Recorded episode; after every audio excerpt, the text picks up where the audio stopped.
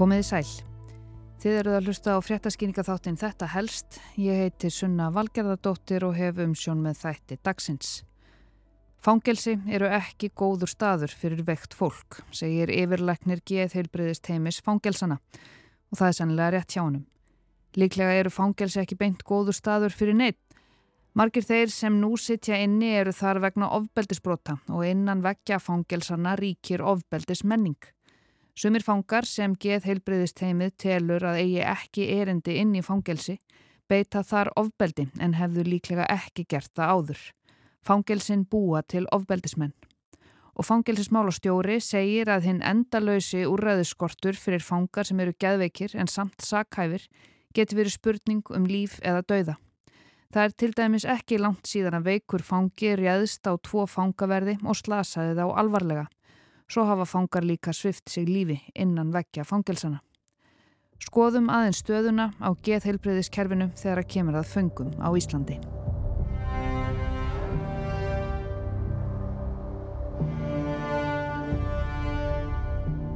Megin markmið með fangelsun Að föngum sé treyð, örug og vel skipulögð afplánun að mannleg og virðingaverð samskipti verði höfði í fyrirúmi og að fyrir hendi verði aðstæður og umhverfi sem hvetur fanga til þess að taka stáfið sín mál.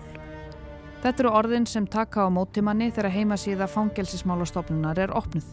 Í dag sitja 148 manns í fangelsum landsins þar af 40 í gesluvarðaldi. Þess ber að geta að í fyrra sátuða meðaltali átjón manns í gæsluvarðaldi á hverjum tíma. Og það líður engum vel í fangelsi, segir fangelsismála stjóri, sem auðvitað segir sig kannski svo litið sjálft. En við erum misjaflega vel í stakk búin til þess að komast í gegnum fangelsisvist. Það hefur endur ómað í umræðinni trekk í trekk undan farin áratug og jafnvel lengur að inni í fangelsum landsins sé fólk sem er einfallega of veikt á geði til þess að geta veriðar. En spurningin sem enn hefur ekki fengist svar við er hvert eiga þeir þá að fara.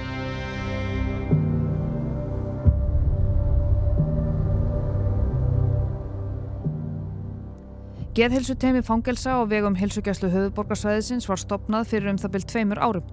Sigurður Örn Hektorsson, yfirleiknir teimisins, er í viðtali í nýjasta tölublaði Læknablaðsins. Þar segir hann að geðheilbriðismál í íslenskum fangelsum séu svo miklum ólestri að þau séu á marganhátt verri hér en í bandaríkjunum og þess ber að geta Sigurður Örn bjó lengi og starfaði einmitt í bandarískum fangelsum sem geðleiknir. Hann segir mikla neyslumenningu ríkja inn í íslenskum fangelsum, mest þó að litla hrauni og meðferðir eru því ekki eins árangursvíkar og þær gætu verið. Og þó að nú hafi margt breyst til batnaðar eftir að fangar fengu liv eftir að hafa fengið ADHD greiningu og þeir eru margir með ADHD, þá eru aðrir fangar sem eru að kljást við öllu alvarlegri geðsjúkdóma geðklofa, alvarlegan fíknivanda eða geðkvörf til dæmis. Sigurður segir að það vanti úrræði fyrir þennan hóp og vill að fangar sem þjást af alvarlegum geðsjúkdómum hafi betri aðbúnað og aðgang að geðdildum og geðheilbreyði stopnunum utan fangelsana. Annarkvort þurfi að ebla réttar og örgistildina inni á landsbítala eða stopna til úrræða innan fangelsiskerfisins. Hann segir það hafa komið teiminu og óvart hversu margir alvarlega geðsjúkir einstaklingar afpláni í fangelsum. Þeir eru allt of margir, segir hann. Það er nefnilega ekki nóg að vera með alvarlegan geðsjúkdóm, geðklofa eða í stöðugri þjónustu í geðhelbriðiskerfinu til þess að vistast á réttar geðdild. Einstaklingurinn þarf að hafa verið í sjúklegu ástandi þegar hann braut af sér til þess að teljast ósakæfur og það má ekki hafa orsakast af nýslu. Þannig að maður sem fremur glæp í algjöru geðrófi en geðrófið er tilkomið vegna nýslu verður aldrei metinn ósakæfur. Þess ber að geta mjög stór hluti fanga eru með greindan fíknisjúkdum. Mörg ofbeldisafbrót eiga sér stað undir áhrifum og viðkomandi hefur þá verið í mikilli neyslu í langan tíma. Sá getur jafnvel verið í geðrófi vegna neyslunar og ef svo er þá leiðir það ekki til ósakæfis, segir Sigurður Örn. Menn eru því dæmdir í fangelsi en ættu í raun heima í öðrum úrræðum. Það byrja að ítrekka að þetta viðtölu Sigurðarðin er nýtt, þetta byrst núna í ágúst. En vorið 2013, fyrir rúmlega nýju árum síðan, þann 7. apríl, byrtist þessi frétt á rúf. Fyrirsögnin, engin úrræði fyrir sakhæfa geðveika fanga.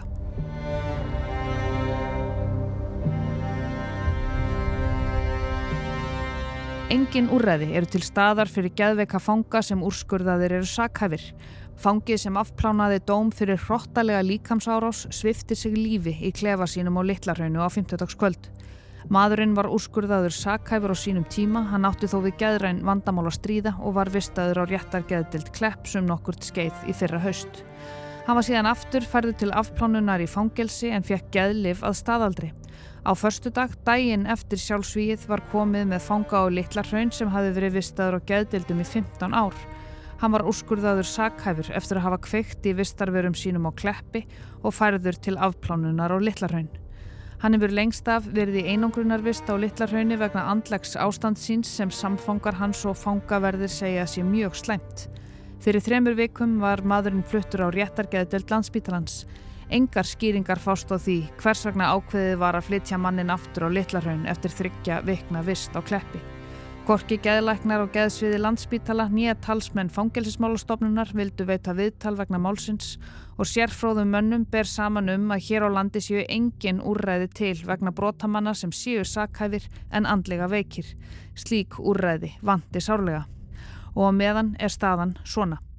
Geðlæknar telja að sakhæfir geðveikir fangar eigi ekki heima á geðdelt spítalans. Fangelsismála yfirvöld telja að slíkir menn eigi ekki heima í fangelsi án úrræða. Niðurstaðin er svo að geðlegnar ráða og mennirnir eru sendir í fangelsi. Engin treysti sér til þess að svara hvort sé betri kostur að vistast líka menn í fangelsi þar sem engin meðferðarúræði séu til staðar eða vista þá á geðdildum. Engu að síður er sá kostur tekinn að senda þá til afplánunar og litlarhaunni þar sem þeir fá óviðunandi læknisfræðilega meðferð. Næstum því tíu ára gömul frétt. Og svo verðist sem staðan sé svipuð enn þann dag í dag. Í janúar 2019 fyrir um þremur og hálfa ári byrtist svo þessi frétt á rúf.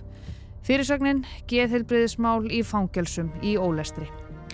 Í meira en fimm ár hefur engin geðleiknir starfað í íslenskum fangelsum þrátt fyrir að lögum samkvæmt skuli föngum tryggð geðheilbriðistjónusta. Rásklega færtugur kallmaður svifti sig lífi í fangelsinu að Littlarhaunni á þriðjudag. Þetta er þriðja sjálfsvíð á tveimur árum sem vitaður um í fangelsum á Íslandi. Þó að það sé vissulega búið að bæta úrræði að einhverju leiti eins og til dæmis með stopnun fyrir nefnd skeðheilbriðisteimis fanga sem Sigurður Örn veitir fóristu. En teimið getur lítið annað gert en að benda á þennan djúbstæða vanda. Sigurður Örn segir í viðtali sínu við læknablaðið að það séu dæmi um að menn breytist í afplánuninni. Þetta séu menn með þekta geðsjúkdóma sem skadast af vistinni, einfallega vegna þess að þeir ráð ekki við það andlega að vera í fangelsi. Fangelsi eru ekki góður staður fyrir veikt fólk, segir Sigurður Örn. Það þarf vart að taka fram að margir fangar sitja inni fyrir ofbeldisbrott og innan veggja fangelsana ríkir ofbeldismenning. Sigurður segir að sumir fangar sem geðhilbriðist heimið telur að eigi ekki erindi inni í fangelsi beiti ofbeldi þar en hefðu líklega ekki gert það utan þess. Hann segir að fangelsin búi til ofbeldismenn. Geðhelbriðist heimi fangilsana samanstendur af Sigurði Erdni sem er geðalagnir og svo tveimur hjúkrunarfræðingum og tveimur sálfræðingum. En það er ekki nóg, sérstaklega í ljósi þess að hlutverk teimisins hefur stækkað til muna frá því að það var sett á lakirnar 2020. En þá áttu þau einungis að sinna föngum í afplánun. En núna þurfa þessar fimm manneskjur líka að sinna fólki sem er á reynslu löst. Geðhelsu teimið sinnir almennri geðhelbriðistjónustu sem og greiningu og meðferð geðraskana, fíkni vanda og ADHD. Sigurður segir í læknablaðinu að vinnu aðstæða teimisins sé sömuleiðis óbóðleg og búið sé að gera alvarlegar aðtúasendir við það. Öryggismálinn eru í ólestri, við höfum ofta ekki aðganga viðtalsherbyggjum eða skrifstofum. Við höfum þurft að setja sniður með fartölvuna í einhverju hotni og notað hotspot til að komast á netið. Því miður er það lenska á Íslandi að gera ekki ráð fyrir öflugri heilbriðistarfsemi, segir Sigurður um aðstöðuna á Littlarhaunni en það eru þó áallanir uppi um að bæta þá aðstöðu. Pál Vinkel, fangelsismálustjóri, segir að hann sé sammála Sigurði Erni, geðhelbriðist heiminu í hildsinni og nánast öllum þeim sem hafa sett sig inn í þennan málaflokk og bent á að úrbætur séu mjög svo brínar. Ég heyriði aðeins í Páli Vinkel. Þetta er alvarlegt ástand. Þetta er óbóðlegt fyrir aðra fanga. Þetta er alls ekki bóðlegt fyrir fangaverði sem eru ekki mentaðir sem helbriðistarsmenn Og síðast en ekki síst, þá er þetta auðvitað líka óbúðilegt fyrir þá sjúklinga sem að dvelja hjá okkur en ættu með réttu að vera á stofnun þar sem búið er upp á heilbríðstjánustu allan sólarhengi. Það eru sjúkrastofnanir en fangelsin eru ekki sjúkrastofnanir. Pál fagnar því að geðheilbriðist teimi sér farið að láta skoðanir sínar ofinberlega í ljós. Öll umræða sér mikilvægt til þess að halda þessu vandamáli á lofti eins og sérst hefur undan farin áratug. En hvað er hægt að gera og hvers vegna er þetta svona? Er til dæmis verið að dæma menn sakhæfa í réttarkerfinu sem eru það bara alls ekki? Nei, ég er ekkit viss um það. það, það ég hugsanlega einhverju tilugum, ég held að megin aðrið sé það að fólk átti sig á því að fólk getur orðið andlega veikt og alvarlega andlega veikt þó að þessi sakhæft þegar að dómur er kveðin upp og fangilsi eru þannig að það líður engum vel í fangilsi, það er aukið álag að vera þar. Það er ekki ólíklegt að þeir sem eru veikir fyrir andlega verði enn veikari þegar inn er komið. Pál segir að það þurfi nöðsynlega að vera þannig að þegar menn verða af það veikir þá fáu þeirri innlögn á viðingandi stopnun.